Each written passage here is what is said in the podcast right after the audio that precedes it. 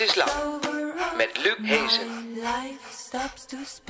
Het is woensdagavond en dat betekent een nieuwe aflevering van Kunst is Lang, het interviewprogramma over hedendaagse kunst in samenwerking met online kunsttijdschrift Mr. Motley. We zijn live te volgen op Facebook via de pagina van Motley en later te beluisteren via je eigen podcast, Leverancier. En als je terug wil kijken, dan kan dat natuurlijk ook, bijvoorbeeld op YouTube, Naderhand of op Artube. Ralf de Jong die zit uh, tegenover mij vandaag. Hij is uh, aan het bakken. Althans, uh, de, de, voorbereiding is hij aan het doen. hij luistert naar ons gesprek en hij gaat er visueel op reageren. Je kunt hem ook zien werken op de livestream. Dat is echt leuk, dat raad ik iedereen aan. Helemaal aan het eind van het uur schrijft Loes Korte aan. Zij wil een documentaire maken over het kinderdilemma. Moet je nou echt zo nodig nog iemand toevoegen aan deze toch al overvolle en vervuilde wereld? Die film die ze wil maken, die, uh, die hoopt ze bij elkaar te crowdfunden. En goed nieuws trouwens, naar aanleiding van vorige week. Want de crowdfundactie voor een nieuwe website van Motley is geslaagd. Die gaat er komen. Heel erg bedankt dus voor al jullie donaties. Maar eerst spreek ik met mijn hoofdgast Rob Voerman. Hij maakt tekeningen, sculpturen en levensgrote installaties die allemaal om architectuur draaien. Maar ze lijken niet op de glossy artist impressions zoals uh, architecten ze maken. Zijn tekeningen en prints zijn vaak van kale modernistische gebouwen in een verlaten landschap. En in het geval van de installatie zijn het juist vaak weer in elkaar geknutselde hutjes met kartonnen wanden, gekleurde plexiglasramen. Eh, het zijn gebouwen die zich eigenlijk onttrekken aan het moderne leven en hun eigen logica en vormentaal hebben. Het werk van Rob is altijd verbonden met grotere thema's, zoals het effect van ons kapitalistische systeem op de natuur, werknemers in China die massaal naar de stad trekken, of gewoon van andere wereldproblemen. En dan kun je ze allemaal eigenlijk uh, wel, wel invullen volgens mij. Rob, welkom. Dankjewel. Leuk dat je er bent. Ben jij altijd al zo'n zo'n geëngageerde wereldverbeteraar geweest?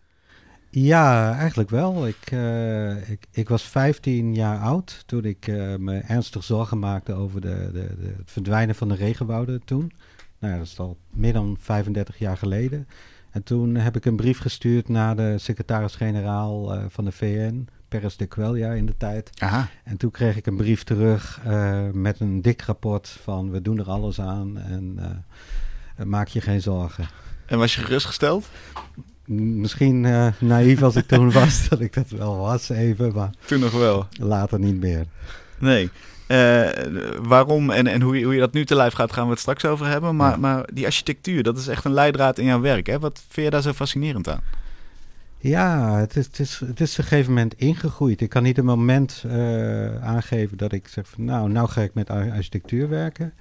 Maar uh, ik was heel gefascineerd door, door bepaalde gebouwen, met name gebouwen die of gebouwd werden op een bepaald moment, die nog niet af waren, of gebouwen die gesloopt werden. Um, ik ben daar foto's van gaan maken en ik vond het een heel bijzondere uh, sculpturale, kwa sculpturale kwaliteit hebben ook. En, uh, ja, leg eens uit, wat, wat is daar zo interessant aan?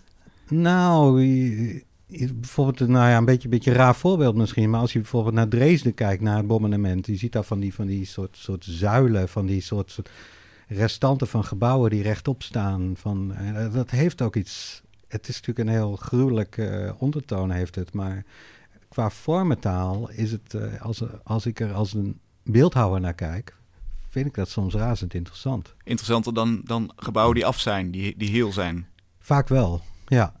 Oké. Okay. Ja. Um, inderdaad, heb je zelf ook van zulke soort ja, onaffe beelden? Mogen we dat zo zeggen of is dat een belediging? Nou ja, je ziet wel dat, uh, dat er een, een, wereld in transitie is. Dat er, uh, dat er een nieuwe wereld wordt gebouwd vaak.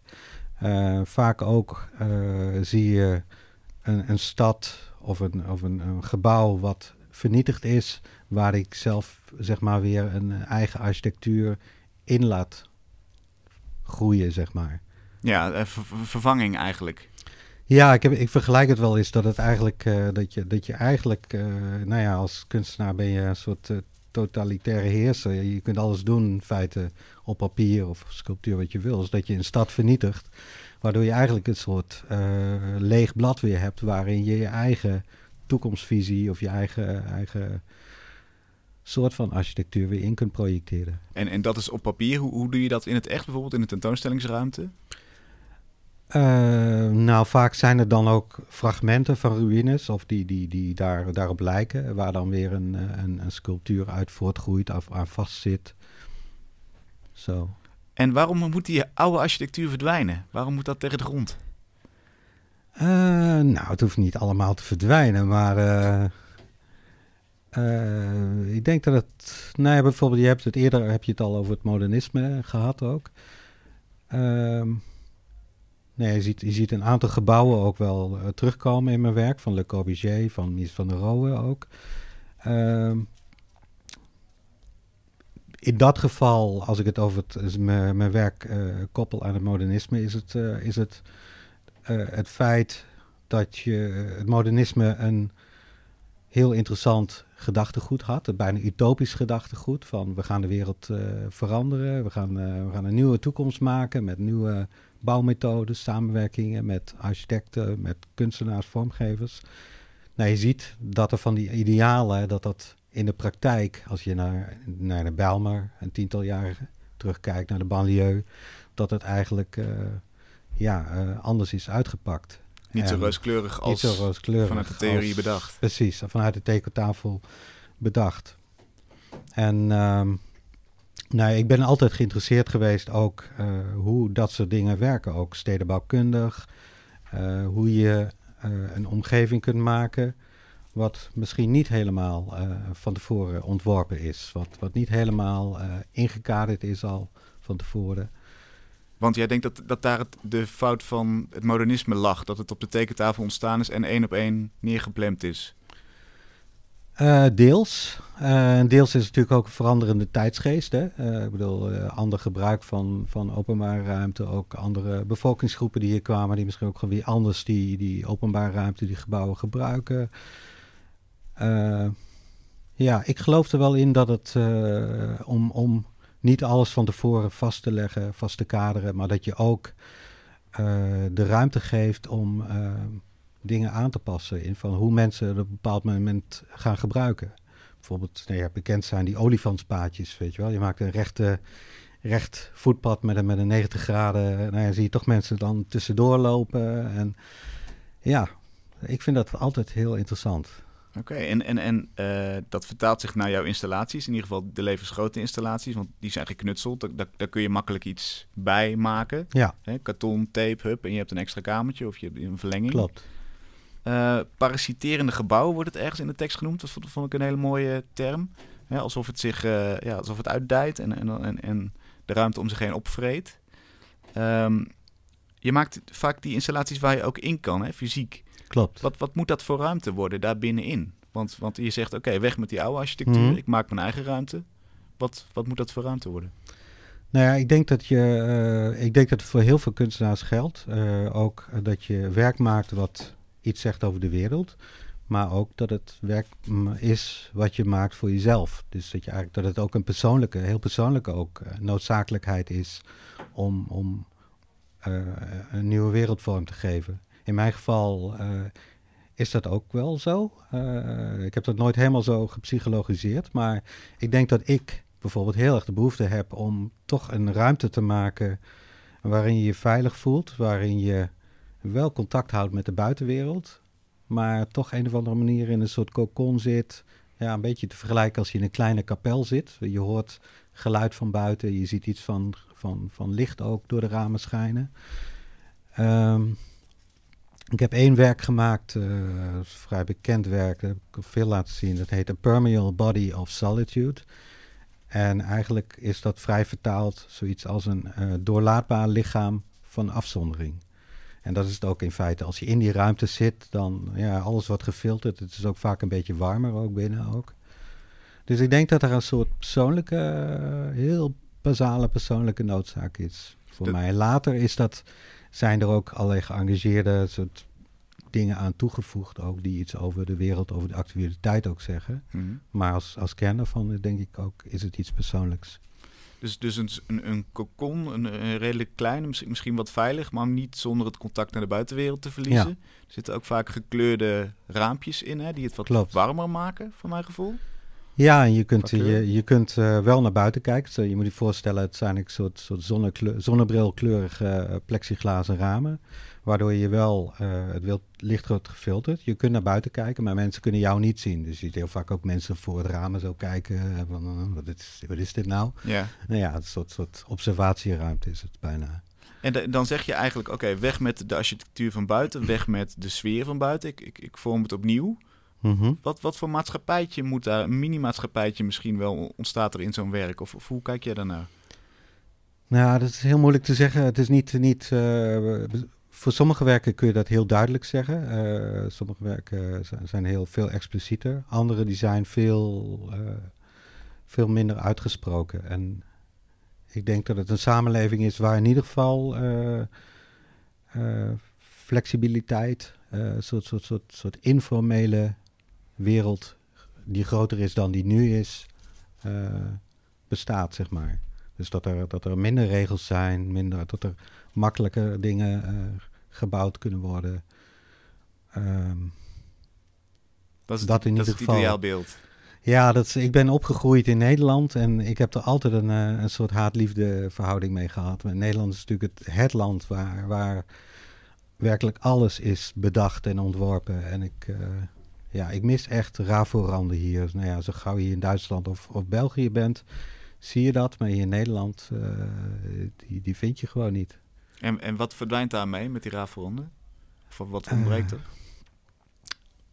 Er verdwijnt ook wel, eh, er verdwijnen mogelijkheden, denk ik ook. Dat eh, zodra natuurlijk ook geld een rol gaat spelen in steden, eh, steeds meer. Je ziet dat hier in Amsterdam, dat de waarde stijgt, gaan juist ook dat soort rafelranden steeds meer eh, verdwijnen. Dus ik, voor mij heeft het te maken dat er ook een soort, soort eh, veerkracht van een samenleving verdwijnt daardoor. Als dat soort gebieden er niet meer zijn. Omdat Leg dat eens uit. Wat, wat nou, voor veer, veerkracht? veerkracht. eh, ik bedoel, vroeger kon je kraken natuurlijk. Je, je, vroeger wa- was het wat makkelijker om. om eh, ik klink een beetje als een oude man zoals vroeger, maar zo, Ga je gang, ik ga kijk gang. wel liever naar de toekomst. Ja, maar ja. als je het vergelijkt met, met nu, is het toch. eh, ja, wat het, men is steeds banger om fouten te maken. Steeds meer. Ja, als er iemand overlijdt door een bepaald soort ongeluk, dan worden er weer regels op gemaakt en weer regels boven regels gezet. En ik denk eh, eh, dat. dat ja, de, ik, praat over een veerkracht, omdat dat soort raforanden ook gebieden zijn waarin je nieuwe dingen uit kunt proberen. Waar je nieuwe, eh, nieuwe, nieuwe manier van samenleven kunt testen, nieuwe manier van ondernemen kunt testen. Zo. Want je zou kunnen zeggen, eh, achter de manier waarop wij met landschap omgaan in Nederland eh, zit, zit de Hollandse mentaliteit van opruimen, uitbouwen, doorgaan, efficiënter maken. Eh, wat, wat zou je zeggen, dat, wat, wat wil jij daar eigenlijk tegenover zetten met, met die architectuur die jij opbouwt? Ehm, nou ja, dus pleiten voor, voor, voor, voor, meer, eh, minder regels, meer flexibiliteit.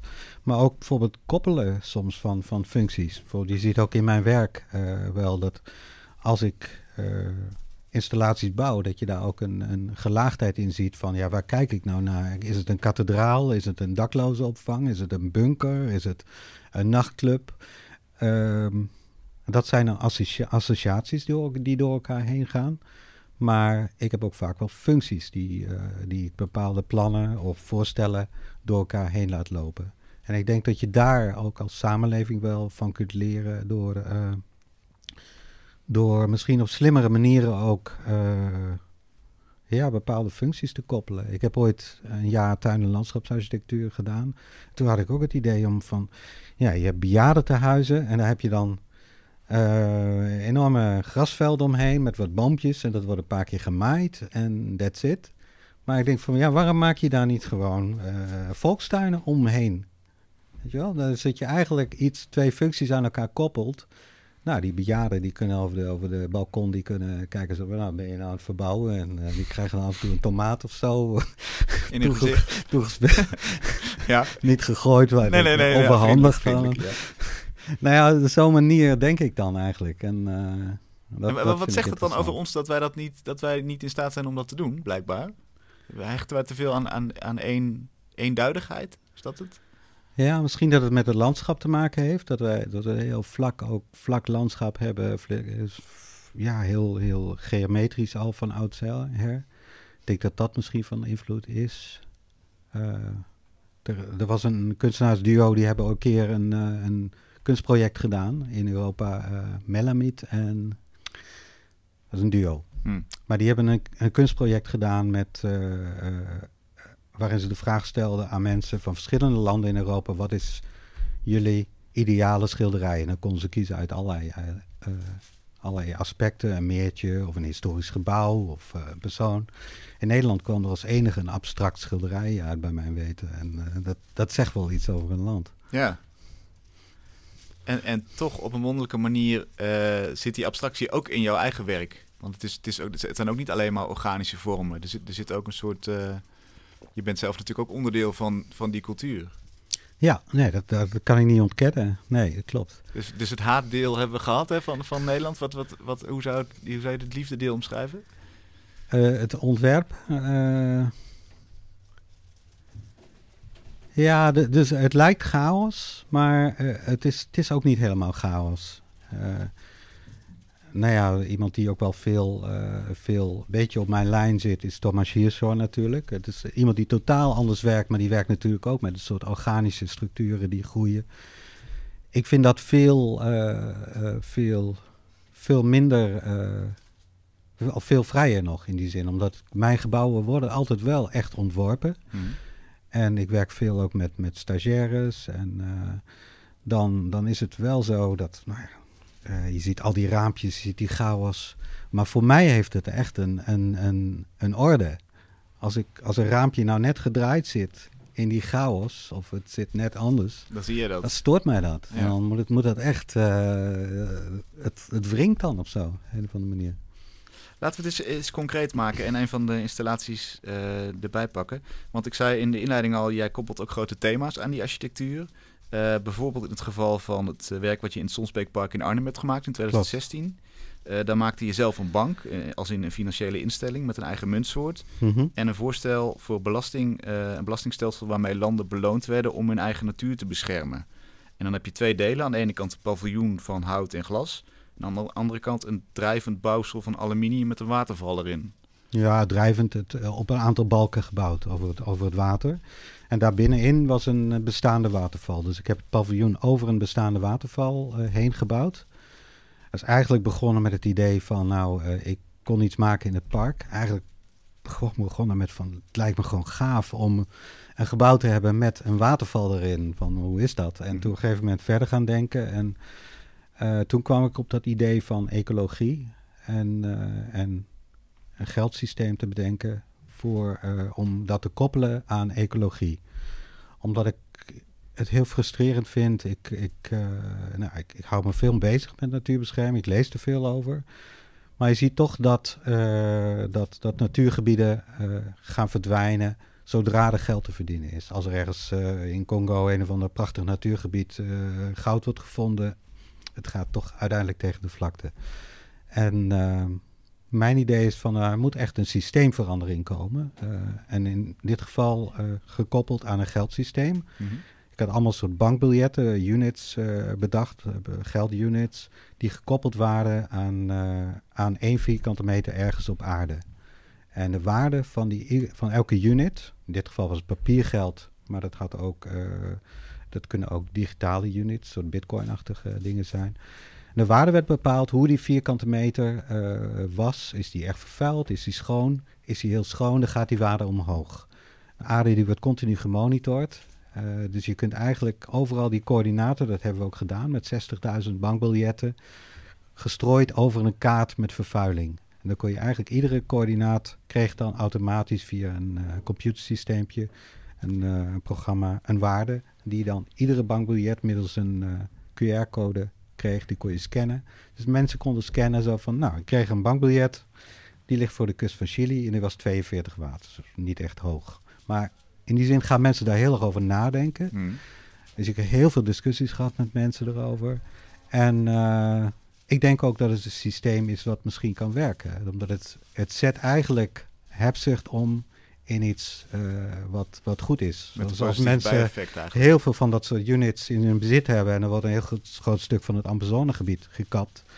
Dan gaan al die mensen morren van ja, wat, wat doen jullie nou, weet je wel? Dus eh, Dus je wordt een soort aandeelhouder van, van natuur eigenlijk. ja, die wordt eigenlijk niet, eh, ja, aandeelhouder, je wordt niet eigenaar, maar je legt een relatie, zeg maar. Ja. Nou, en de, en de- in het- heel, heel in het kort, dat, eh, dat paviljoen, daar zat dus die waterval in. Dat was een soort kluis, dat kon ook afgesloten worden. En in feite werd het goud wat vroeger werd bewaard achter, om, als dekking van de waarde van het geld dat uitgegeven wordt, had je hier een waterval als metafoor voor de natuur die achter de waarde stond van het geld wat uitgegeven werd. Dat is even heel in het kort. Ja. Ja. En, en hoe, hoe sluipt nou zo'n zo'n ideologisch idee over natuur erin eigenlijk? Want je kunt ook denken, ik maak gewoon een mooi bouwsel. Ik ben geïnteresseerd in architectuur en, en dat, is al, dat is al een onderwerp genoeg.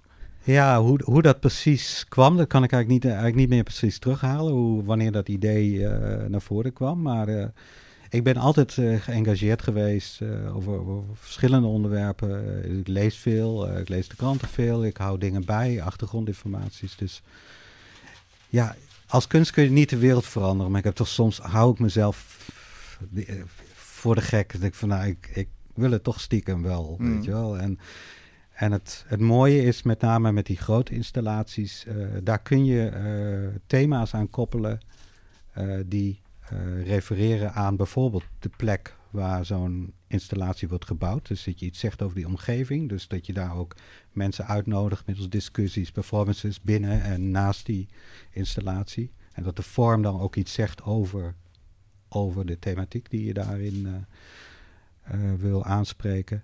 Plus dat je ook thema's naar binnen kunt halen die, die je echt wil aanspreken, los van de plek, zeg maar.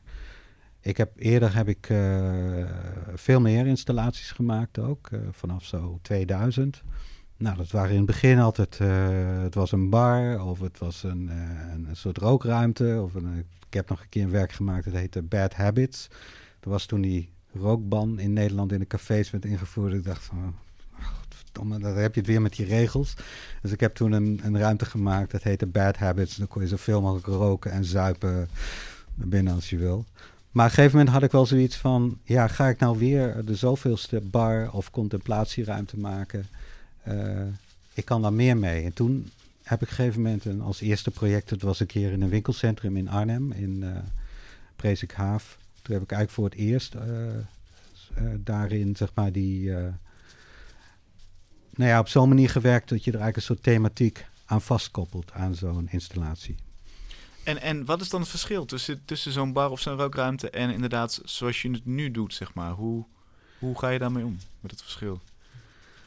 Uh, het, verschil het verschil is natuurlijk omdat het gaat, het gaat veel verder, uh, vind ik, voor mijn gevoel, uh, thematisch, inhoudelijk ook. En voor mijzelf is het, is het wel iedere keer dat het dat je zelf ook um, triggert. Nee, je moet eigenlijk wel. Je, je moet eigenlijk continu dan zeg maar in een bepaalde thematiek duiken. Of in mhm. ieder geval iets, iets daaraan toevoegen. En daar ook een manier vinden, een vorm vinden waarin je uh, een bepaalde problematiek of een bepaalde thematiek kunt, uh, kunt uh, adresseren. En dan ook liefst op zo'n manier dat dat het niet pamfletistisch is. Dat het niet zegt van jongens, uh, natuur vernietigen is slecht. Maar ik wil dat het iets verder gaat. Dat het, dat het, dat het niet het vingertje is, maar dat je eigenlijk een, uh, een hele open setting maakt. Waarin je een bepaalde, bepaalde vraagstelling kunt, uh, kunt onderzoeken. En dat doe je dus door, door inderdaad een soort van fictief bankgebouw te maken. In plaats van een rookruimte. Ja. Daarmee duw je mensen in, in een bepaalde richting of bied je een kader aan, waardoor ze gaan nadenken over. Ja, ja is, is voor mijzelf was dat ook een hele mooie extra stap. Ik vond het, uh, dat ik dat geldsysteem bedacht had. Uh, denk van wauw, dat achteraf dat ik, dat, ik heb dat enorme ding gebouwd en dan het geldsysteem dan gebouwd. Dus uh, ja, ik vond het, vond het echt gaaf dat het gelukt was. En, en, dan ook in die vorm. En dan merk je ook dat ik ben er ook heel veel geweest. Ook. Ik woon zelf in Arnhem ook. En dus ik moest er heel vaak zijn om nou ja, zorgen dat, dat die elektronica, die, die scanners en zo allemaal bleven draaien. Dus ik heb ook heel veel mensen gesproken ook daarover. En het werd echt ook echt, mensen gingen er echt ook over na. Die waren echt verrast van, oh ja, ja er zijn hele discussies over. En voor een kunstenaar is het ook best wel bijzonder dat je eh, je publiek ook leert kennen. Want meestal is het, ja, je maakt een tentoonstelling en dan ga je weg en that's it. Ja. En, en nu, wat is er met dat systeem gebeurd?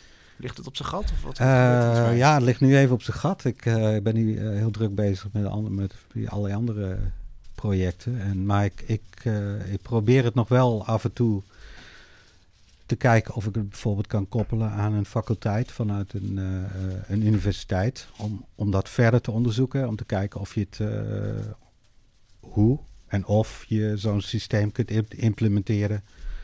Om dat verder te, te gaan onderzoeken. Ja. ja, dat zou voor een universiteit zou dat interessant zijn, omdat het heel veel, uh, veel, veel vakgebieden betreft. Geografie, economie, ecologie. Dus uh, dat wil ik zeker nog mee door, want ik geloof er echt in. Maar het is soms wat je zo in beslag genomen met andere dingen. Dat. Ja, en je moet ook aan je, aan je, eigen economie denken natuurlijk. Ja. Je moet helaas ook geld Precies. binnenkomen. Ja. De, we horen heerlijk geritsel onder ons gesprek. Ralf, wat, wat gebeurt er allemaal bij jou? Ik ben nu een soort van staafjes aan het draaien. Je bent staafjes aan het draaien. Van wat precies? Uh, dit is uh, koekdeeg, allemaal gekleurd. Dus het is chocola en dit is uh, groene, soort van pistaskleur en dit is roze. Oké. Dat zie je natuurlijk niet via de radio. Nee, dit is heel goed dat je het nu vertelt. En, en ja. hoe kom je bij deze materialen? Nou, ik ben eigenlijk de laatste tijd heel veel bezig met keramiek. En dan maak ik malletjes en dan giet ik daar klei in. En, en om dat hier te gaan doen, werd dat heel lastig. Dus ik heb het bedacht om het te vertalen naar uh, deze methode. En als mensen mijn werk kennen, dan denken ze al van... oh, Ralf is altijd zo met zoete kleuren bezig. Dus ik dacht van, nou, misschien ook eens iets, iets zoets pakken. Ja. Dus dat heb ik vandaag gedaan. En, en zijn er dingen uit het gesprek die, die inspiratie geven? Ja, ik, ik, ik vind het heel erg leuk dat je het net over die soort van beschermde ruimte... als een kapelletje noemde. Dat je dan eigenlijk veilig binnen zit maar toch naar buiten kan kijken door een soort van zonnebril. En dat zijn altijd wel van die dingen waar ik mee bezig ben. Een soort van een zonnige zonnebril op de maatschappij of zo. Van, een beetje vrolijk worden van, van al die grijze boel buiten. En dan het omdraaien naar juist een soort van zonnig. Okido, dus, dus er ja. komt een heel vrolijk werk ook. je gaat een hele vrolijke interpretatie maken. Van ik, ik hoop het wel, ja ja. Nou, aan de kleuren zal het niet liggen. Ga lekker verder. Dankjewel. Uh, ik ben heel benieuwd wat, er, uh, wat eruit gaat komen. Je luistert of kijkt natuurlijk naar Kunst is Lang met Rob Voerman. Hij maakt tekeningen en installaties waarin bestaande architectuur is afgebroken en vervangen door zijn eigen versie. Je, zei net al op in, in een bijzin kunst kan de wereld niet verbeteren, maar af en toe probeer ik het toch. Um, met die bank onder andere, maar ook met het project The Fifth Season. Mm een, een, ruimte waar je in kunt, waar een tafel staat. Een hele grote kandelaar boven hangt met allerlei foto's van wereldproblemen. Uh, daaronder een tafel. Dus, dus ja, je, je kunt bijna niet anders dan die wereldproblemen bespreken, stel ik me zo voor. Mm uh, wat, wat, wat levert dat op? Dat is natuurlijk een hele mooie vraag die daaronder ligt. Um, nou, even nog aanvulling wat eerder wat je zei. Fotografie ben ik sinds kort ook mee bezig. Dan bouw ik zeg maar, grote maquettes in mijn atelier en die worden gefotografeerd. Dat zijn de fotowerken die ik uh, recentelijk maak. Dat is mhm. ook een belangrijk deel van mijn werk. Oké. Even korte toelichting. Deze genoteerd? Ja. Yes. Um, nou ja, het resultaat, die, wat ik wel merkte uh, in die, dat werk... Uh, Wat, wat, ik merk in mijn werken is, is dat wel dat mensen heel makkelijk met elkaar gaan praten. Er ontstaat een soort sfeer binnen waardoor mensen die elkaar vaak ook niet kennen, heel makkelijk met elkaar in gesprek komen. En, uh, en dat werk is, het was gebaseerd op uh, de Fifth Season, de Four Seasons restaurant van Mies van der Rohe in het Seagram Building in New York. dat is eigenlijk vrij interessant gegeven, omdat dat, daar hebben de, de schilderijen van Rothko uh, gehangen, die nu in de Tate Modern uh, permanent hangen. Uh, en het was ook voor mijn gevoel ook het eerste echte project waarin zeg maar, het, het, het Bauhaus, het modernisme, echt werd vercommercialiseerd. Dus echt waarin het echt een super commerciële nou ja, eigenschappen kreeg. Mm. heeft toen ook zijn schilderijen ook uh, weg, weggehaald. Heeft daar een miljoen dollar voor gekregen.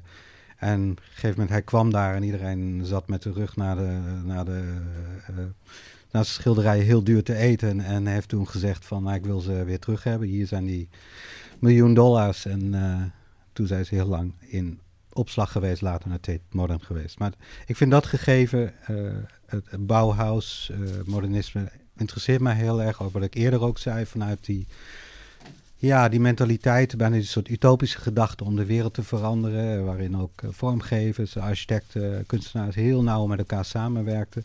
Dus ik wilde eigenlijk dat, eh, dat gegeven van het restaurant eigenlijk opnieuw eh nieuwe setting geven, maar dan echt als een soort laboratorium. dus, dus mensen, partijen uitnodigen. Eigenlijk een hele open setting eigenlijk, waarin mensen kunnen... eh, daar, eh, daarin kunnen debatteren, workshops kunnen houden en dergelijke. Een beetje, beetje zoals het oude Bauhaus van heel gecomprimeerde setting van onderwijs, eh, je overnacht ergens, je, leren, studeren, nou, noem maar op. En werkt dat ook zo? Want de, de, je, de projecttekst op je website die begint ook met soort van met bescheidenheid. Dit is een bescheiden gebaar en, en wellicht, eh, nou ja, wat je net ook al zei, misschien Hmm. werkt het totaal niet en heeft het nul effect. Maar laten we het toch proberen. Dit, dit, is, Ja. dit is een voortdurend project, geloof ik. Hè? Dus eh, wat, Ja. wat, wat levert het op? Kun je, ben, je, ben je nog steeds zo sceptisch als, als aan het begin? Of, of denk je, er komt concreet iets Eh, van? Ik denk dat het heel goed kan. Alleen dat eerste project was, was binnen een galerie-setting. En dat is natuurlijk per definitie heel moeilijk, omdat mensen ook al... er is al een drempel om een galerie binnen te gaan. Eh, en dus je moet daar veel actiever mensen uitnodigen. En dat is op zich wel heel goed gelukt. Want het was wel heel mooi dat er eh, bepaalde partijen... Soms, soms moet het ook een soort, soort toeval hebben. En dat zie je ook in mijn werk als ik met dat soort projecten heb. Je moet een soort open mentaliteit hebben.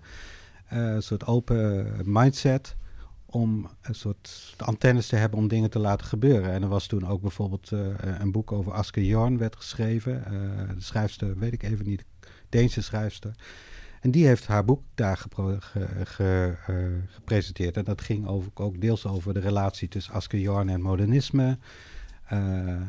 Timotheus eh, Vermeulen, Niels of Robin van der Akker hebben over metamodernisme gesproken. Dus het was een of andere manier, dan merk je toch, je hebt een soort netwerk en er kwamen dingen bij elkaar, waardoor het inhoudelijk eh, heel bijzonder werd. En wat is dan het resultaat van zo'n bijzondere avond? Nou, de, de, de- het bijzondere is dat je een dialoog hebt. Dat je, dat je met elkaar de diepte in gaat en discussieert. Of, of er waren ook wat, wat luchtige dingen, gewoon een, een, een performance, zeg maar. eh, op, op muziekgebied. Eh, dus, dus dat kan, ik denk gewoon dat heeft niet direct een heel concreet resultaat meer dan dat. Hmm.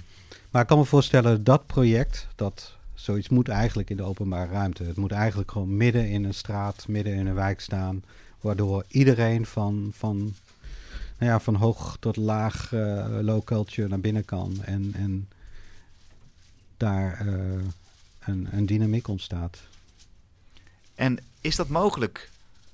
Denk je? Ja, ik denk dat het mogelijk is. Ik heb, eh, vorig jaar heb ik bijvoorbeeld in Arnhem-Zuid eh, een, een project gedaan. Dat was niet zozeer eh, geënt op modernisme of, of die gedachte. Maar da- daar werd ik uitgenodigd door Ruimtekoers. Een organisatie die in leegstaande gebouwen in Arnhem ieder jaar een, een festival organiseert. Die Mhm. reageert op stedenbouw, op de stad, ontwikkelingen van de stad, op leegstand. Eh, en toen hebben ze mij uitgenodigd om nou, ook binnen een van die gebouwen in Arnhem-Zuid een werk te maken. En toen heb ik gezegd van ja, ik ben eigenlijk helemaal niet geïnteresseerd in, in een leegstaand gebouw. Ik wil midden in de straat, ik wil midden in de wijk eh, een paviljoen bouwen. Omdat ik vind dat, eh, dat het super laagdrempelig moet zijn. En ik heb toen... Arnhem-Zuid is een, echt een, een, een, een gedeelte van Arnhem wat je in veel gebieden ziet waar geen voorzieningen zijn, waar alle voorzieningen, zoals cultuur, eh, bioscopen, eh, whatever, eh, leuke cafés, die zijn allemaal in Arnhem-Noord. En maar in Arnhem-Zuid wonen wel de meeste mensen. Dus ik heb toen een paviljoen gemaakt wat een hele open setting had met een houtkachel. Eigenlijk als een soort, ja, je hebt er van die hele lange lanen waarin alles afgekeerd is van de straat. woningen, kantoren. Het is ook totaal ongezellig als je daar fietst. Je hebt geen ankerpunten of iets. Je hebt er alleen maar een winkelcentrum waar mensen naartoe kunnen gaan. En ik heb langs een van die lanen zo'n paviljoen gebouwd. Wat 24 uur per dag open was. Als een soort Iedereen- huiskamer of zo? ja, waar iedereen naar binnen kon en waar ook, eh, door, eh, waarin ook alle activiteiten werden georganiseerd. Ook eh, workshops en dergelijke. En dat werkte echt. En dat, Hoe zag je dat? Nou, het was, ik, ik was er zelf niet bij, want ik, was, eh, ik moest de volgende dag naar China uh, toen ik klaar was, of twee dagen later. Maar van de mensen die dat runden, die zeiden van nou, het is echt ongelooflijk. Mensen die kwamen daar echt in en uitlopen en het werd echt gedragen. En uh, dan merk je echt van, ja, er is echt een behoefte daar van mensen die iets, die waren zo blij dat er gewoon eens een keer iets gebeurde. En dat werk was eigenlijk een voorstel om, om een andere openbare ruimte daar te, te ontwikkelen. Dus dat je langs die lanen, waar, gewoon, waar je gewoon niet doodgevonden wil worden, waar je fietst en loopt en er is daar helemaal niks, om daar een kleine lint, lintbebouwing zeg maar, te maken, uh, wat, uh, waardoor mensen ankerpunten hebben, een klein cafeetje, kleine woningjes en dergelijke. Dus dat je eigenlijk zo'n wijk, wat je natuurlijk ook in Capelle aan de IJssel en Purmerend overal ziet, daar met een soort, soort fijnmazige structuur andere, andere vorm aan geeft. Nou, nou is dat, uh, gaan we dat volgend jaar in een groter uh, setting voortzetten. En er is zelfs ook al wordt het wel opgepikt door heel veel mensen om samen te gaan kijken of we ook echt een soort voorstel kunnen gaan maken voor, uh, voor dat gebied, zeg maar. Hoe, dus, hoe kan het eigenlijk dat, er, dat dit soort van architectonische fouten bijna zijn in zo'n, in zo'n wijk waar toch steeds weer ingetrapt wordt. Je zou, je zou toch denken, je, op een gegeven moment weet je hoe je een fijne wijk ontwerpt. Ja, dat zou ik ook zeggen. Ik ben geen stedenbouwkundige, maar ik kan me, ik kan me je kunt je gewoon voorstellen hoe het is om, om ergens te lopen, hoe waar je behoefte aan hebt. Uh, maar mensen, er wordt steeds meer in die, steeds weer in die val getrapt. Nou ja, dat vind ik interessant ook in China. China is natuurlijk heel snel aan het ontwikkelen. En uh, daar wordt nu ook weer dezelfde fouten gemaakt. Als die, die steden die gaan, worden zo razendsnel ontwikkeld door projectontwikkelaars, waardoor er alleen maar torenflats zijn met amper een plint. Uh, de, de, de, de, de, de, mensen met lagere inkomens, de, de, de arbeiders worden de stad uitgeduwd. We moeten steeds verder buiten de stad wonen, steeds langer reizen. En dat is ook waar de, de, de, de laatste biennale waar ik aan mee had gedaan, vorig jaar in Shenzhen, over architectuur en stedenbouw, waar daar ging die biennale ook over. Hoe voorkom je dat steden steeds meer op elkaar gaan lijken? En dat, dat heeft daar natuurlijk ook mee te maken van ander soort van stedenbouw. En, en hoe heb je daar een antwoord op geformuleerd? Want het gaat, het gaat natuurlijk om het grote geld. De projectontwikkelaars die, die, die geven geen fuck of, of dat nou een leuke wijk wordt of niet, als ze maar kunnen verdienen. Nou ja, dit op kleinschalig, uh, zoiets zou je een voorstel kunnen doen. Maar je zegt het al, ik was, ik was daar vorig jaar en er waren heel veel kunstenaars, architecten, uh, vormgevers. Die hadden allemaal hele mooie, uh, goed bedoelde plannen voor wijken en dergelijke. Voor kleinere, van die, die, die armere wijken. Dat heet van die uh, urban villages, zeg maar, waar de huizen heel sterk op elkaar zijn gebouwd. Waarin mensen met weinig inkomen wonen. Heel goed bedoelde plannen. Maar op een gegeven moment dacht ik, kijk, het, het, gaat over, het gaat allemaal over geld gewoon.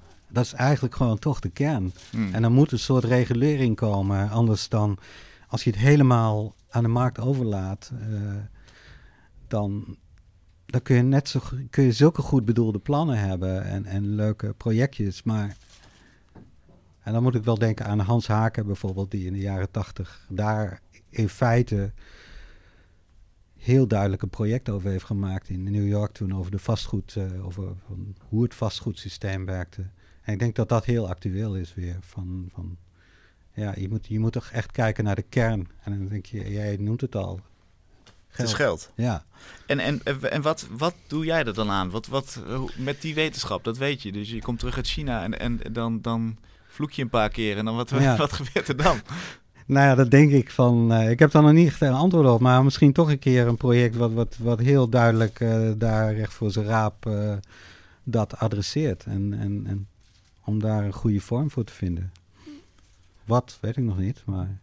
Of, of is het, en dat kan natuurlijk ook, want ik schuif jou natuurlijk nu een soort van wereldverbeteraarspositie in de schoenen. Je kunt ook zeggen, ja, ik, ik, ik, ik accepteer dat, dat kunst niet zo'n grote armslag heeft. En hmm. ik, ik zit in deze hoek en hier... dat accepteer ik ook. Voel ik me lekker. Maar goed, ik heb toch de drang om... Uh, om ik vind het ook interessant om, om je tanden in te bijten, om in zo'n project, om dan je in te lezen, om, om daarover na te denken, om daar een goede vorm te vinden, voor te vinden die, wat ik eerder al zei, niet pamfletistisch is, maar uh, die ja, dingen misschien wat meer duidelijker maakt. Zo. Ja. Want uh, daar, daar zet je onder andere uh, architectuur voor in, hè? Dus, dus in foto's, in tekeningen, in installaties. Z zou je zeggen dat architectuur de mens echt kan sturen? Dat met menselijk gedrag kan sturen, veranderen? Hmm. Weet ik niet. Uiteindelijk zie je toch dat het, dat het niet lukt. Ik bedoel, je, de modernisten hebben het geprobeerd van, nou ja, flatgebouwen maken en een soort park. En dat is jullie grote tuin. En dat is uh, één grote tuin. En het wordt één grote. Je ziet toch dat de mens uh, uiteindelijk toch uh, eigen wil heeft. En Mhm. eigen, daar toch op een gegeven moment de tijden veranderen ook natuurlijk. Maar dan zou je ook kunnen zeggen, die specifieke aanpak werkte niet. Alleen architectuur aan zich zou misschien wel uh, anderen kunnen verleiden tot andere gedragingen. Ja, misschien deels. Of ben je zo sceptisch dat je zegt, ja, dat, dat, dat uh, het is... Nou ja, ik denk, denk dat er iets anders voor tegenover moet staan. En dat is wat ik eerder zei ook, die, die, die flexibiliteit, die, die, uh, die ruimte geven aan, aan raforanden, aan plekken die, uh, die nog niet totaal ingevuld zijn. Maar ook dat gaat natuurlijk over geld. Ik bedoel, wil je een uh, raforand creëren, je hebt het hier natuurlijk in Amsterdam ook gehad met die broedplaatsen van, ja... Dan gaat de gemeente gaat een beleid uh, doen van, nou, we gaan broedplaatsen maken, terwijl die eigenlijk van zichzelf ontstaan. Natuurlijk. Ja, maar die moeten ook betaald worden, of tenminste, de plek die ingenomen wordt door een broedplaats kan niet door een dure, uh, kan niet als dure grond verkocht worden. Klopt, dus uh, daar moet je dan op inleveren. Ja. Waar zitten we eigenlijk in? Een soort catch-22. Hoe, hoe, hoe, hoe, moet dat dan? Nou ja, ik denk, uh, ik denk dat, de over, dat er iets met de, uh, vanuit, toch vanuit de overheid iets moet veranderen. Dat ze uh, waarden misschien anders gaan benoemen. Dus niet alleen financiële waarden, maar gaan kijken van wat is de waarde voor de mens, wat is de waarde voor een stad, een bepaald gebied. En ik denk dat dat steeds meer tussen de orde moet komen. Maar dus het is nog een lange weg, denk ik. Ja, echt een mentaliteitsverandering. Ja. Wat, uh, waar, waar, ben je nu mee bezig? Komt het in de buurt van zo'n zo fijne oplossing? Nee, oplossingen die heb ik niet gelijk paraat. Dat heb ik eerder okay. al gezegd. Nou, vertel, dan maar waar je, waar je wel mee bezig bent. Dat is ook goed. Ja, nou ja, wat ik, wat ik zei, in uh, Matter Herford ben ik een, uh, een installatie aan het ontwerpen. Duits museum, hè? Ja, ik ben met kleinere dingen bezig, wat nieuw werk aan het maken. Wat maar, voor installatie wordt dat? Het wordt ook een gebouw waar je in kunt, een uh, soort, soort paviljoen. Uh, en daar binnenin wil ik een grote, uh, grote maquette situeren. Het is eigenlijk gebaseerd op een paviljoen wat, wat op de wereldtentoonstelling van 39 stond. waarin een hele grote maquette werd gepresenteerd van een modernistische, utopische stad. Dus eigenlijk van nou ja, het centrum, alle functies en buiten alle buitenwijken met fantastisch vervoer naar het centrum en dergelijke. Dus ik ga ongeveer zo'n setting maken. Dus zeg maar dat je een, uh, in dit geval wordt het een, uh, een grote maquette van een, ja, een soort half vergaan uh, UN-gebouw van Le Corbusier, waar dan weer een nieuw wereldcentrum in wordt gebouwd, zeg maar. En, en aan ontstaat. Ja, op jouw eigen kenmerkende wijze. Ja, en ook gaan een beetje gaan nadenken over wat voor, ja, wat voor ander bestuurssysteem zouden dan mogelijk zijn. En zou je, zou je dat betitelen als een soort afrekening met het modernisme? Of, of is het een, een nieuwe variant ervan? Hoe... Nee, nee. Dit, dit, ik heb echt een haat-liefde verhouding met modernisme. Ik, ik vind er ook prachtige dingen zijn er ook ontstaan. En uh, nee, zeker geen afrekening. Maar meer een uh, vervolg, een commentaar. Ja. Ja. Nou ja, verder ben ik nog bezig met uh, China, een serie tentoonstellingen nog voor te bereiden. En uh, dat, dat wordt ook een hele onderneming. Ja. En nog even over die foto's waar je het over Ja. had. Want, want dat zijn eigenlijk uh, ook maquettes, geloof ik, hè? Of in ieder geval schetsen, uitgewerkte schetsen Ja. voor gebouwen. Maar dan gefotografeerd en in een ander, ander landschap ge, gefotoshopt. Zeg ik het zo goed? Ja, niet helemaal. Maar uh, het is begonnen eigenlijk. Ik ben ooit uitgenodigd met, uh, bij uh, Project Probe. Dat is een initiatief van Susan Show, een curatorcollectief. Die hebben in Arnhem een miniatuurmuseum van ongeveer anderhalf bij drie meter. En die is alleen online te zien. Dat wordt het heel interessant. Ik kan je aanraden daar eens een keer te kijken. Probe, project.net volgens mij. daar wordt een kunstenaar uitgenodigd om daarin een tentoonstelling of een project te maken, installatie. Dat wordt van zes kanten gefotografeerd. En dat verschijnt op internet. En dat is hetgene waar, eh, wat, eh, wat dan eh, de tentoonstelling is. Bernhard Smilde is daar bijvoorbeeld begonnen met die, met die rook, met die wolken, zeg maar. is daar helemaal mee begonnen.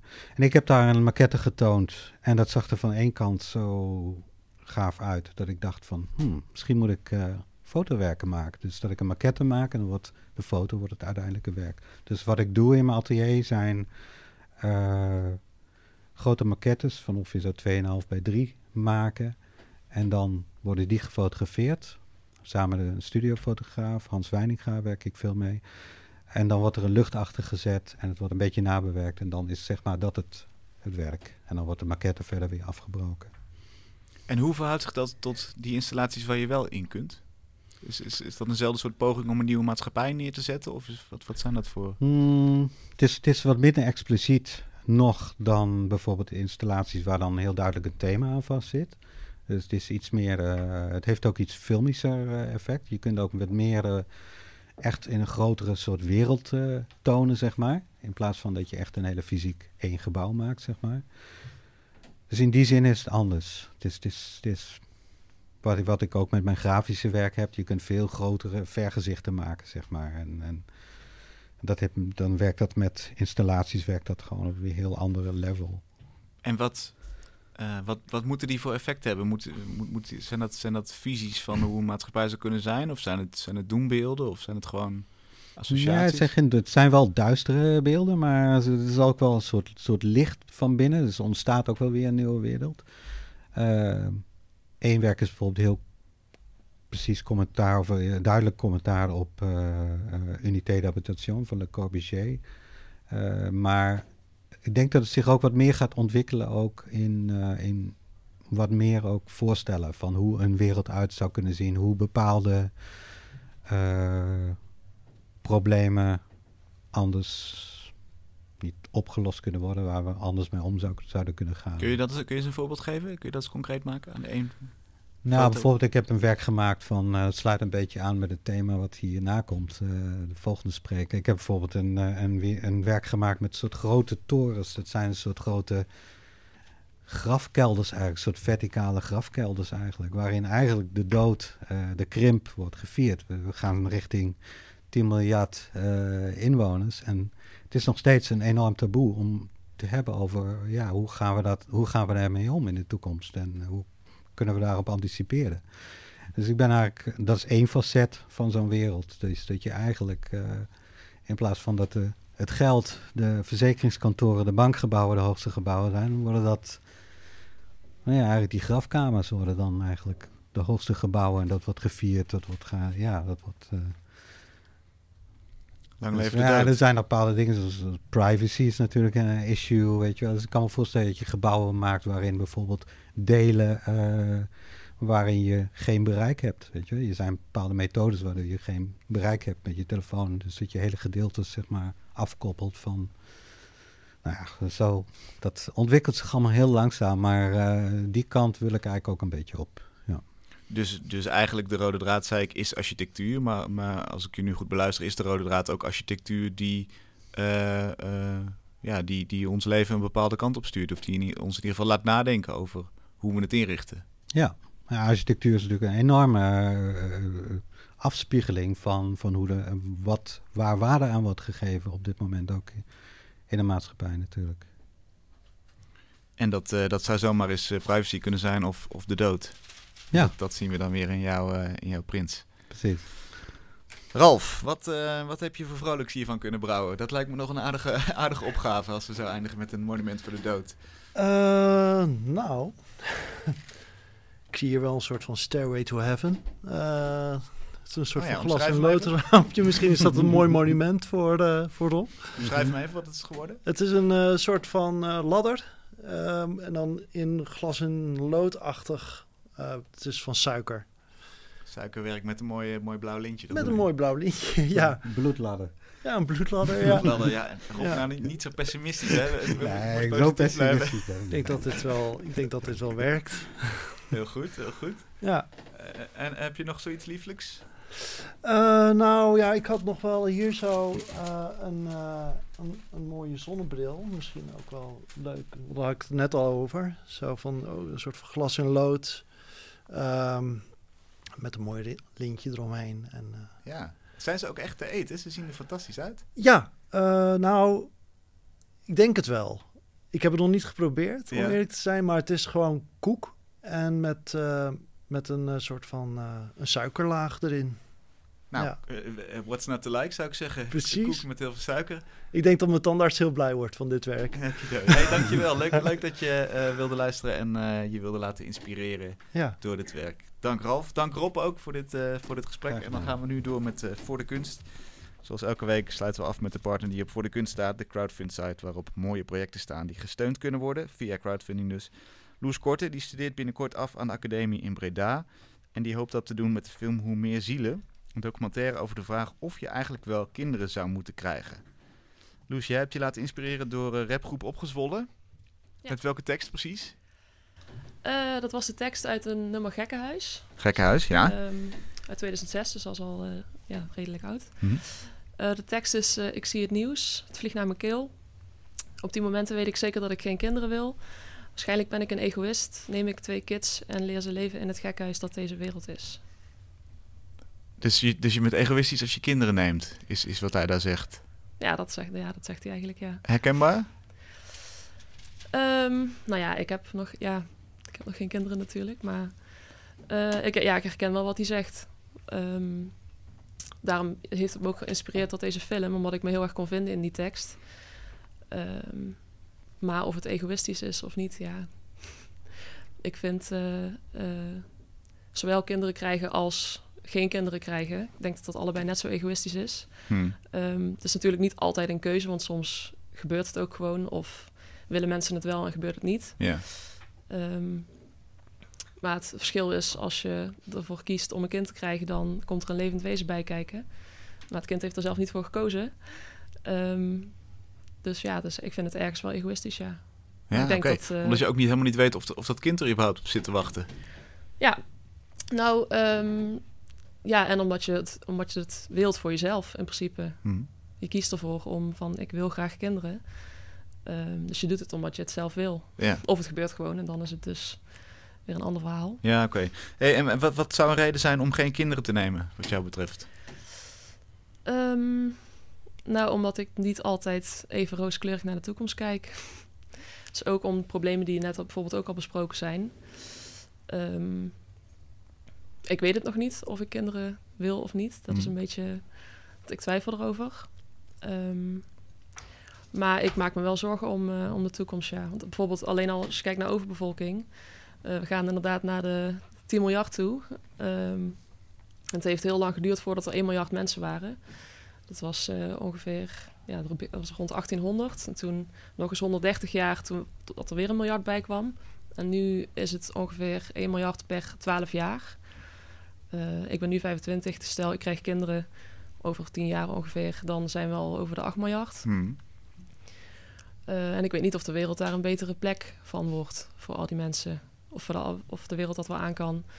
Ehm, ja, dat is, ik denk dat iedereen wel weet wat voor problemen daaruit voortkomen. Uit te veel mensen op de wereld.